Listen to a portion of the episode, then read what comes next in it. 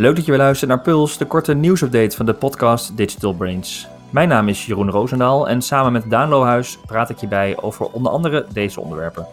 Een inkijkje in het algoritme van Instagram. Google toont korte video's in zoekresultaten. In-game advertising wordt nog wel eens onderschat om je doelgroep te bereiken. En Twitter neemt Breaker over. Is social audio een nieuwe trend? Maar we beginnen met Amazon. Want ja, Daan, Amazon bestookt de Nederlandse markt met bodemprijzen. Uh, daar is uh, met name in de, rondom de feestdagen uh, kwam er naar buiten dat Amazon Nederlandse webwinkels flink onder druk zet met die bodemprijzen. Duizenden populaire producten zijn 7% tot soms bijna 18% goedkoper bij Amazon dan bij de concurrenten als bol.com en Coolblue. En op artikelniveau binden grote Nederlandse webwinkels geregeld de strijd aan met Amazon. Uh, en er zijn door die prijzenstrijd uh, wel indicaties dat het marktaandeel van Amazon groeit. Daar hebben we het eerder over gehad. Hè? Hoe gaat Amazon zich ook ja, introduceren op de Nederlandse markt? En een van de opties was ja, of heel scherp qua prijs, want ze kunnen niet zo goed meekomen met de levertijden nog, omdat ze vooral vanuit Duitsland. Hè, ja, hier en daar inderdaad drie dagen. Ja, inderdaad, ja. Maar ja, voor de prijs, hè, dat is net als een beetje met uh, AliExpress. Je wilt best wel voor goedkope prijzen wat langer wachten. Hè? Ja, en ik zie ook steeds meer, voor mij is het ook bittere noodzaak om ertussen te komen. Uh, je ziet ze echt veel in Google Shopping, hebben we het eerder ook al over gehad. Hè, dat ze er, erin kwamen toen ergens uh, uh, van zomer, dat je dat terugzag in de statistieken. Maar ik zie ook steeds vaker, maar dat is echt een hele persoonlijke observatie, dat mensen zeggen, kijk, dit product bedoel ik. En dan hebben ze gewoon de Amazon-pagina daarvoor staan. Dus dat gewoon ook de, het frictieloze, zeg maar, dat dan Amazon toch bovenaan gaat staan in Google Ads of vindbaar. Of, ja. en in combinatie met uh, ja, net of gelijke of scherpere prijs dan een bol.com bijvoorbeeld. Dat het ook de aandacht probeert te pakken. Ik denk ook wel dat ze denken van nou, nieuwe gebruikers acquireren. Zeg maar mensen op het platform krijgen om gewend te raken om te bestellen met Amazon. Dat ze ook wel een beetje in willen boeten in marge nu op dit moment. Dus ja. Ja, ik ben benieuwd zou, uh, of het houdbaar zou is. Zou dit dan een, een, een, bewuste marketingstrategie zijn? Of zijn ze misschien, eh, zijn bijna een jaar uh, in Nederland actief? Of vallen gewoon de resultaten tegen en zeggen ze ja, we moeten nu wat om te kijken of de Nederlandse markt echt interessant is? Want een uh, artikel waar, uh, waar dit uh, in, in, bij ons kwam was via het FD. Die hadden dit uitgebreid beschreven. En daar werd ook benoemd hè, dat Amazon naarstig een voet tussen de deur probeert te krijgen.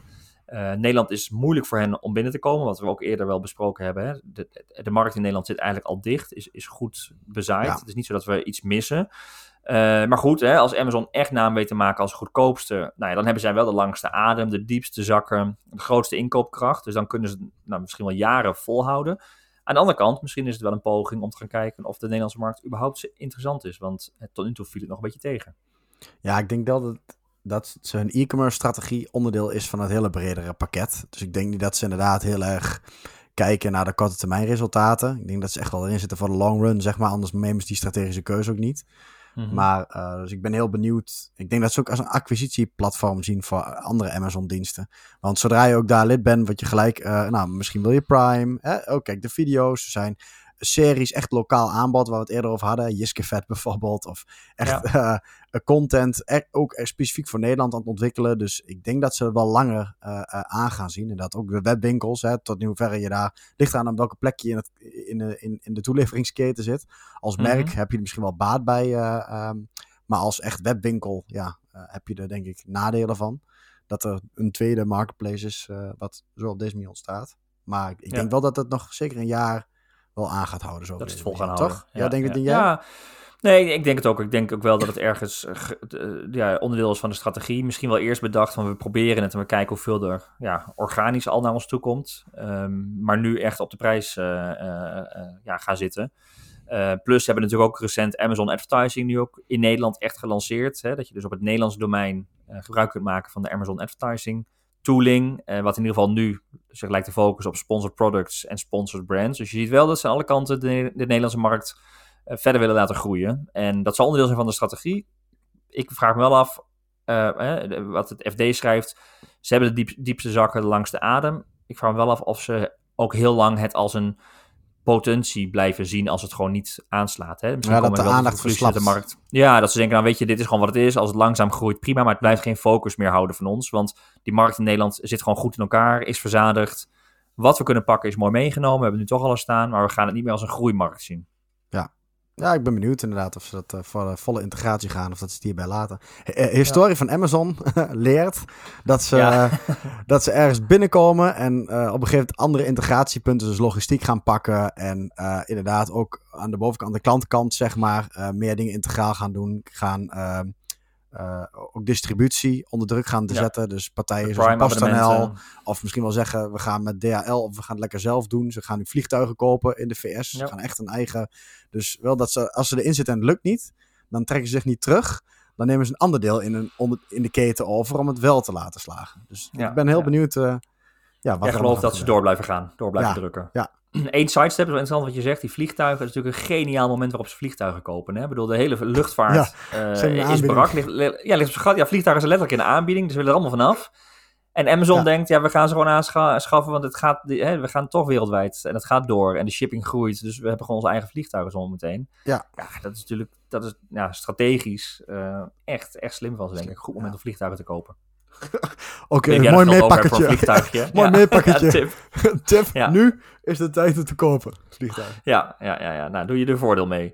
Uh, iets anders waar je voordeel mee kunt doen is uh, een inkijkje wat we kregen uh, via een aantal creators op Instagram. Want Instagram heeft hen een zeldzaam inzicht gegeven. En dat weer, ja, werd dus ook weer in het publieke domein gedeeld. en het is een inzicht omtrent de werking van het algoritme van het platform. Nou, dat is altijd al een beetje een raadsel hoe zo'n algoritme werkt. Maar Instagram heeft aangegeven dat accounts die regelmatig posten en ook nog eens het volledige scala aan functies gebruiken, dat die extra beloond worden. Ze leggen dus een nadruk ook bij de functies op de reels en de stories. Um, en wanneer je die dus in je hele content mix meeneemt, word je beloond met meer zichtbaarheid en meer bereik. Je krijgt eigenlijk meer punten in je algoritme. Nou, ze adviseren zelfs bepaalde aantallen aan te houden. Hè? Drie in-feed berichten per week, acht tot tien verhalen per week.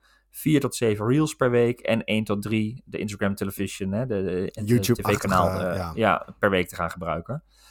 Uh, ja, die laatste prachtig. Is veel, hè?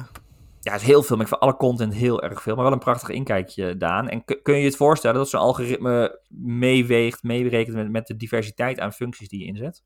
Ja, ik denk, het gaat natuurlijk ook om kwaliteit. Uh, als je er waardeloze dingen opzet, werkt dat natuurlijk niet. Maar ik denk inderdaad ook wel dat het logisch is voor Instagram om het te pushen, zeg maar, die, uh, die uh, Reels en Instagram TV's. Want daar, de content daar op Reels is het voornamelijk uh, TikTok rip-off, zeg maar. Dus dat zijn gewoon video's die van TikTok zijn getrokken en vervolgens op Reels zijn geplaatst. Eigenlijk gebeurt het nog steeds, dat soort content de bron is nog steeds TikTok. En overal staat dat TikTok-logotje onderin. TikTok-logotje bij. Ik kan me voorstellen dat... Maar ja, je blijft ehm, wel het platform, hè? Instagram wordt daardoor interessanter met die Reels. Dat je die TikTok-video's ook op Instagram kunt bekijken. Ja, alleen het vliegwiel dat mensen echt op Reels dat gaan maken, dat, dat gaat nog niet echt aan. En ik denk dat ze hierom aan het pushen zijn. Dus mensen die dat wel doen, kanalen die dat wel doen, op een succesvolle manier. Daar kan ik me voorstellen dat ze die extra belonen met aandacht. Dus dat ze het dat is wat ik hier een beetje hoor. Van we hebben het, het, algoritme getweakt. Dat mensen die content maken die ook voor Instagram belangrijk is, dat die extra aandacht krijgen en engagement. En dat is op zich wel interessant te zien. Uh, en uh, ja, ze zeggen, ze adviseren 4 tot 7 reels per week. Maar het kan dus ook al zijn dat je als, als bedrijf of influencer dus één of twee reels al gaat plaatsen. Dat dat impact heeft op de rest van je bereik. En dat is volgens mij wel echt de takeaway die, uh, die hierin ja. zit. Dat Instagram dat zelf ook echt aangeeft ja, die diversiteit heeft sowieso invloed. Dus los van de aantallen, zorg dat je uh, de, de content mix uh, uh, herschikt. Hè? Opnieuw naar alle content mogelijkheden kijkt bij Instagram. Dan zal het je, je algoritme en je zichtbaarheid beïnvloeden. ze hebben het wel specifiek over de bedrijfspagina's. Hè? Daar komt dit vandaan. Dus de influencers, die dus de professionele pagina's hebben. Ja. Maar dit zal denk ik ook wel ergens werken, gewoon in het consumentennetwerk, toch? Het consumentenalgoritme. Ja, ja, vast. En ik, ik vind het bijzonder dat ook inderdaad. Uh, ik zie zo'n underground scene waar een paar mensen van Instagram met de top creators zitten. En ja. er was ook in dat bericht stond er ook bij van dat ze ook geld krijgen uh, om reels te maken die goed zijn. Dus ja. er zit ook gewoon, daar zit een heel underground wereldje in. Ook niet alleen van die uh, influencers onderling die van die groepjes maken om elkaars posts te liken en dat soort dingen. Maar er is ook gewoon Instagram zelf die met die top creators ook echt een band heeft en daar dus ook allerlei belangen spelen. En zij stuurt in, in, in, in, hun business, ja. Maar ze weten toch ook wel dat dit gewoon naar buiten gebracht zou worden. Ze, dat, dat ga ik ervan uit dat ze dit, als ze dit zo intiem delen, dat het een keer uit gaat lekken.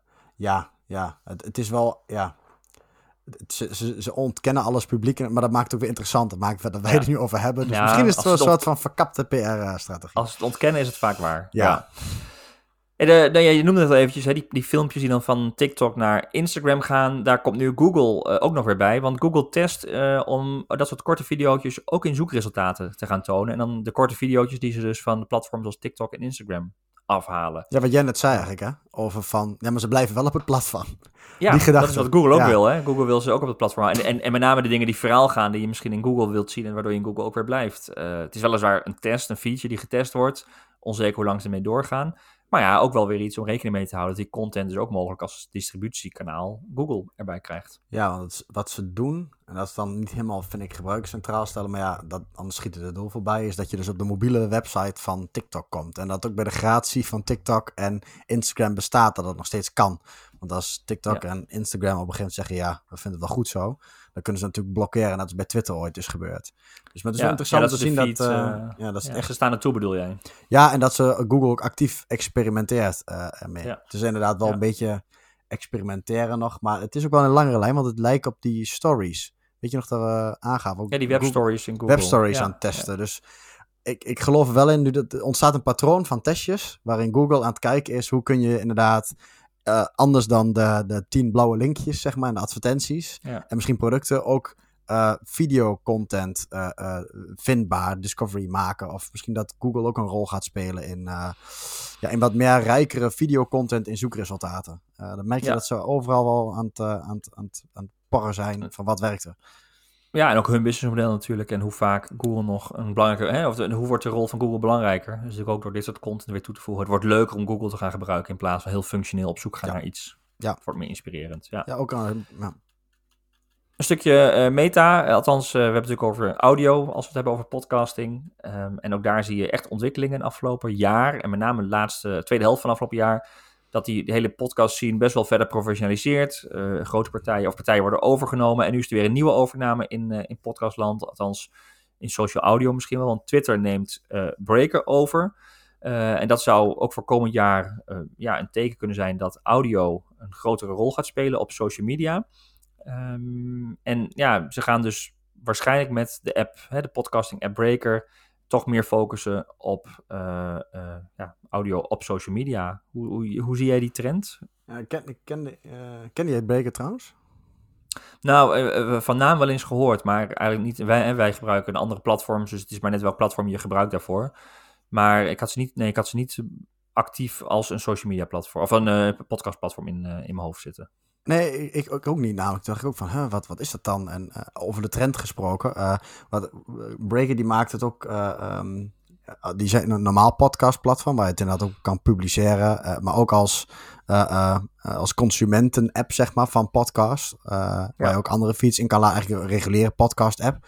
Maar ze, ze maakten ook veel kleinere eh, podcast content die erop staan. Ze promoten ook eh, podcast items van 30 seconden of, of vijf minuutjes. Waar podcast traditioneel, inderdaad meer zoals wij ook, 20, 30 minuten. Het is veel meer korte soundbites. En Ja. daar doet Twitter het natuurlijk ook om. En ehm, ja, dus dat, dat, dat, dat je naar een soort niet één vaste podcast luistert. Zoals je bijvoorbeeld op, YouTube ook één hele YouTube-video zou kijken van een kanaal. Mhm. Maar neer dat het algoritmisch geoptimaliseerder gaat. Dat je gewoon een soort van Ja, soundbites soundbites. een soort ja. gepersonaliseerd radioprogramma gaat luisteren. Dat dat een beetje de toekomst is van podcasts. En Twitter die haakt daar ook op in. Die zegt, ja, nou, 140 tekens, leuk. Dat is eigenlijk ook zo'n mix. Die zegt, ja, maar wat is nou de audio variant van Twitter? En als je dan die feed zou je dan kunnen gaan luisteren bijvoorbeeld.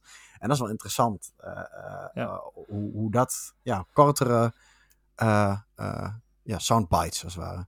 Ja, ja. en ik weet niet hoe, hoe jij dat ervaart, maar zelf vind ik ook audio wel echt een lekker medium. Hè? Want dat doe je, je kunt terwijl je aan het luisteren bent iets anders doen. En dat is bij lezen en bij kijken vind ik dat een stuk moeilijker. Dus als je, bij wijze van je social media kunt volgen in soundbites, eh, dan is dat veel, misschien wel veel makkelijker om dat in de auto, onderweg, of terwijl je aan het koken bent, hè, een Ja, koptelefoon. of op, jij met je verbouwing, dat je toch eh, Ja. de, de, de Ik muur heb hebt een- gesloten met, een verbouwing Bluetooth heb ik een, eh, eh, eh, hoofdtelefoon. zo'n Bluetooth koptelefoon, omdat ik alleen maar podcast kan luisteren terwijl ik eh, stom werk aan het doen ben eh, met slopen. Ja, Ja. ja heerlijk. Dan, Ja, ik dan, denk dan ook, en, eh, kennis op. En een andere trend die daar een beetje mee samenhangt, want dat is heel ook eh, hot and happening, eh, om het flauw te zeggen. Clubhouse, ehm, dat is ook zoiets waar je wel vaker van hoort. Eh, ik zal ook even de uitlegvideo in de, in de, ehm, in de show notes zetten. Ja, want dat, dat is wel interessant, die heb ik ook gekeken. Eh, en eh, Clubhouse is ook een soort ja, Silicon Valley startup-achtig iets. Wat een beetje dezelfde vibe heeft als toen Snapchat ooit begon. Van, je hebt er wel eens van gehoord, maar je hebt het nooit geprobeerd. Het is ook een beetje exclusief. Je komt er niet zomaar op. Want het idee is van Clubhouse, heel in een notendop. En dat, heeft met die trend een beetje te maken. Dat uh, uh, een, uh, een populair persoon, of echt een soort kennisleider of een celebrity, zeg maar, die heeft dan een audio kanaal en een soort ruimte die die kan openen, zeg maar. Dus het is ook exclusief okay. gemaakt. Uh, dus alleen celebrities hebben daar dan die accounts en die kunnen een ruimte openen. Daar komen mensen op af en dan kunnen dingen worden gezegd. Dan kun je een podium claimen en dat soort dingen doen. En dat wordt niet opgenomen. dus het is een ontzettend FOMO uh, van ja, ja, ja, je, je, moet, moet erbij zijn, ja, zeg maar. En het is ook exclusief gemaakt. En je ziet dat nu en uh, ja, mensen kunnen onderling wat zeggen. Doe me ook een beetje denken aan ehm, die Telegram groepen. Uh, jij ja. zit volgens mij ook in die van podcast of media bijvoorbeeld. Ja. Waar ja. iedereen bij elkaar inkomt. En wat, je zit niet in feed, maar je zit met een bepaalde community bij elkaar. En er worden allerlei dingen geroepen. En iedereen kan wat zeggen. En zo werkt het Clubhouse eigenlijk ook een beetje. En je moet dan wel toegang hebben tot zo'n room. Je moet wel een beetje toe worden uitgenodigd. Um, het is wel echt een club. Dan ben je dus erbij. en er worden, worden, horen, ja. ja. en er worden zingen, zinnige dingen gezegd. Dus dat is ook echt een beetje een audio uh, um, ja, ontwikkeling, zeg maar, die ook wel heel erg gaande is. En daar kijkt men wel heel erg naar van, oh, misschien is dat een nieuw model. Net als ja. Snapchat toen nieuw was met tijdelijke video's die we vervallen. En nu heeft iedereen stories, zeg maar, elk ja. kanaal.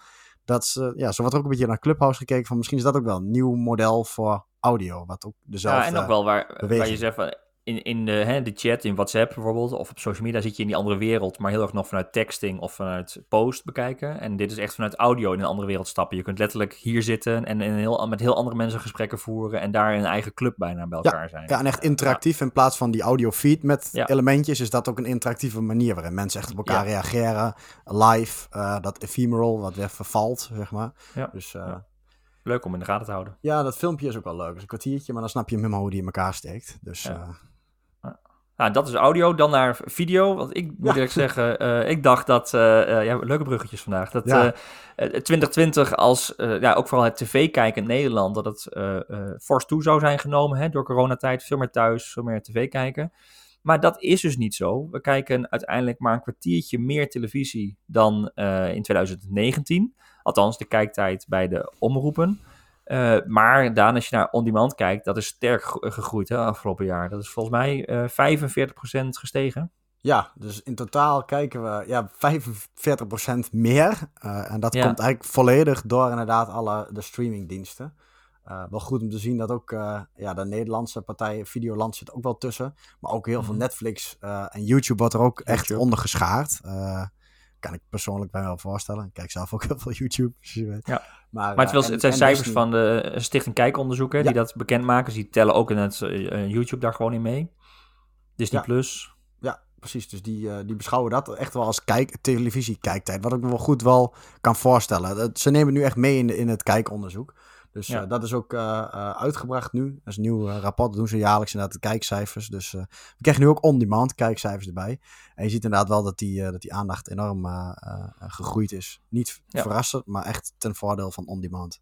Ja, volgens mij, dat weet ik niet helemaal zeker, maar ik dacht wel dat ze nog niet in staat zijn om de NPO-app cijfers mee te nemen bijvoorbeeld. Of NL Ziet. Ik kijk dan nog wel eens weer televisie on demand, maar wel van het NL Ziet. Dat die, dat die dat nog niet meegekeken wordt, want dan consumeer je in principe wel de content van de, hè, de, de publieke omroepen of de, Ja. regu- de, de reguliere omroepen. In plaats van dat je echt andere content, content eh, consumeert. Eh, desalniettemin, ik denk dat ja, tv ook dit jaar een uitdaging had om goede programmering te, te realiseren met eh, de corona-omstandigheden.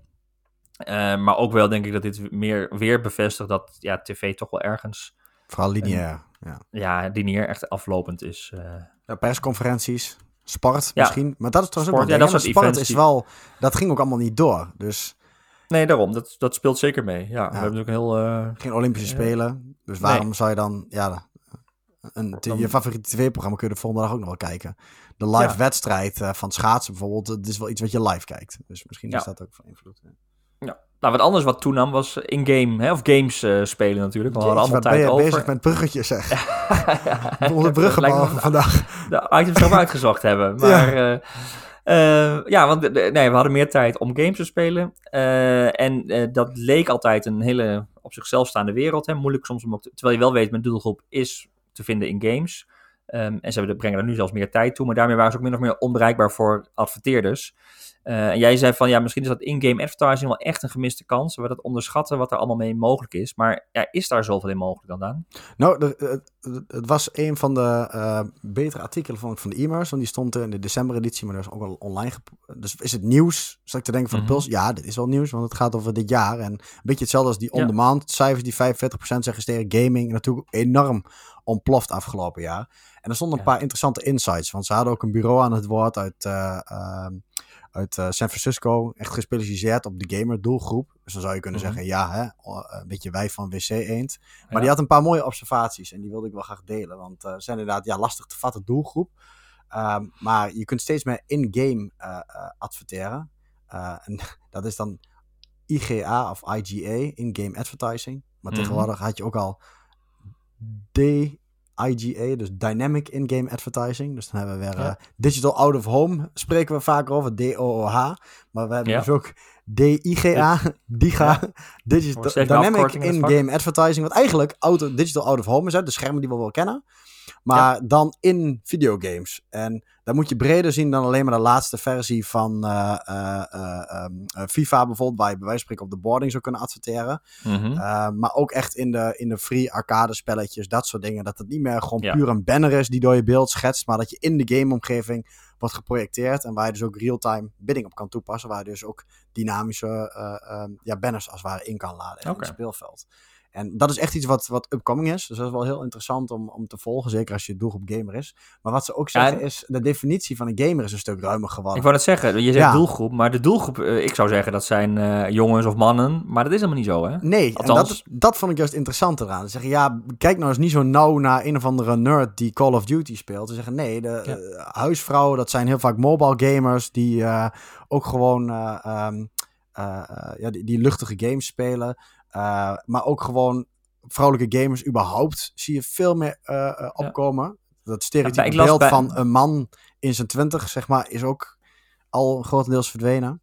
Ja, bijna de helft van de, alle gamers is vrouw. Ja. Las ik, ja. En de meeste dus... adverteerders, waaronder ik eigenlijk ook voor het lezen van het artikel, onbewust denk je toch, ja, dat is als het ware je, je jongere broertje. Of uh, je neefje, wat echt uh, zo'n gamestoel heeft en de hele dag achter zijn bureau zit. Is niet zo. Er zit een hele hoop uh, ja, casual publiek ook tussen. En wat ik altijd denk is, als er te weinig aandacht voor is van, mark eh, van marketeers, dan is het ook relatief goedkoop en is het vaak een kans, zeg maar. Ja, Omdat er weinig aandacht voor is en dan kun je een beetje zo'n first mover zijn, zeg maar. Die daar wel slim gebruik van maakt om de vrouwelijke gamer groep eens een keer te benaderen. Dus um, ja, dat, interessant om, uh, om in ieder geval in te verdiepen of het voor je doelgroep interessant is. En welke games dan bijvoorbeeld. Hoe je die en gamers zijn gepassioneerd, ze hebben ook geld te besteden. Dat is wel zo. Dat is, gamers inderdaad, die hebben ook geld voor een device en een ding. Dus het is wel een interessante segment in dat opzicht. Dus ja, ja ook een eye-opener. Nou, goede tip. Niet vergeten. Dus voor dit jaar misschien in je marketing of in je online marketingstrategie dat je nou ja, onderzoekt wat de gameplatforms kunnen bieden. Of de spelletjes in het algemeen. Ja. Tot slot, we hebben het uh, voor de kerst gehad over de blokkade die Apple wilde gaan opleggen voor uh, ten aanzien van de privacy, hè, om de privacy van de gebruikers te verbeteren.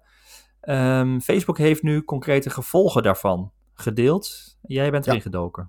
Ja, ook een soort stappenplan. Uh, dat heet dan, uh, als je ook zoekt in de Facebook helpzetten, met name voor Facebook adverteerders is het interessant. Of uh, ook als je let op je conversies uit Facebook of Instagram, zeg maar, op platformen. Want dat is wat Apple eigenlijk een beetje de duimschroef gaat aandraaien. Standaard staat het niet meer aan, maar mensen moeten er toestemming voor geven. En ze hebben nu een handleiding daarvoor geschreven van hoe ga je daarmee om. Want iOS 14 komt in september, wordt het uitgerold breed. En mhm. ja, dan kun je maar beter nu alvast ergens gaan nadenken uh, over wat voor consequenties heeft het voor je campagnes tegen die tijd. Met name als je veel ja. op Facebook conversiedata stuurt. Ja, het, eigenlijk het, het belangrijkste uh, uh, daarvan is, is dat je conversiegebeurtenissen, dus je conversie-events, zoals je het ook wel vaak noemt, daar kun je er maximaal 18, uh, of uh, sorry, 8 van gebruiken. En er zijn wel partijen die, ja, die taggen een hoop dingen omdat het kan. Je er oneindig veel. Dat je zegt, nou, mensen mm. klikken daarop, gebruiken dat buttentje, doen nog een keer dit. Oh, en dit is een installatie van iets. Uh, dat kun je dus beperken tot 8. Um, de domeinverificatie. Dus prioriteit, goed over nadenken, wat wil je meten dus? Ja, ja de domeinverificatie wat belangrijker. Dat je echt in bezit bent van je domeinnamen, uh, uh, waarop je ook uh, ja, je, je, je, je website en dat soort dingen, je platform host, waar gebruikers op actief zijn. Dat wordt bijna, ja, dat wordt een vereiste als het ware. En app-installatiecampagnes heb je nog wel eens last van. Dat is logisch natuurlijk. want als je ook apps, app-installatiecampagnes draait, uh, die dus ja, bezoekers zorgen dat ze bijvoorbeeld jouw webshop-app installeren of zo, dat soort dingen. Die tracking wordt allemaal veel trager en wat, wat incompleter. Dus daar is echt wel een hele guide zelfs voor. Dat je moet updaten naar een nieuw ontwikkelplatformpje daarvoor, et cetera. Dus dat zijn echt. Anders kun, je die, kun je het resultaat van die campagnes niet meer goed. Nee, dan gaat gewoon letterlijk op pauze. Dan gaat de hele campagne op pauze, omdat dat doel niet meer ontbreekt. Dus uh, dat, dat zijn belangrijke gevolgen. Er zijn nog wat hm. meer die nu te inhoudelijk zijn om door te lopen. Maar ik zou zeggen, maak je veel gebruik van Facebook-conversies. Uh, ga gewoon naar Facebook uh, voor Business. In dat helpcentrum zoek op iOS 14. En je komt eigenlijk alle consequenties wel tegen. Je hebt voor bepaalde situaties wat stappenplannen. Maar okay. uh, ze hebben het gepubliceerd, dus dat is interessant om even te checken. Mooi. Nou, wil je daar meer over weten? Of over andere onderwerpen die we in deze aflevering spraken? Ga dan naar advice.nl slash podcast. Daar vind je alle show notes van deze aflevering. Heb je zelf tips, vragen, reacties of ideeën? Mail ons dan naar podcast.advice.nl. En wil je alle afleveringen uh, in de toekomst hè, van dit jaar niet missen, abonneer je dan in, op deze podcast in je favoriete podcast-app of via YouTube of Spotify. Voor nu weer heel erg bedankt voor het luisteren en graag tot de volgende aflevering.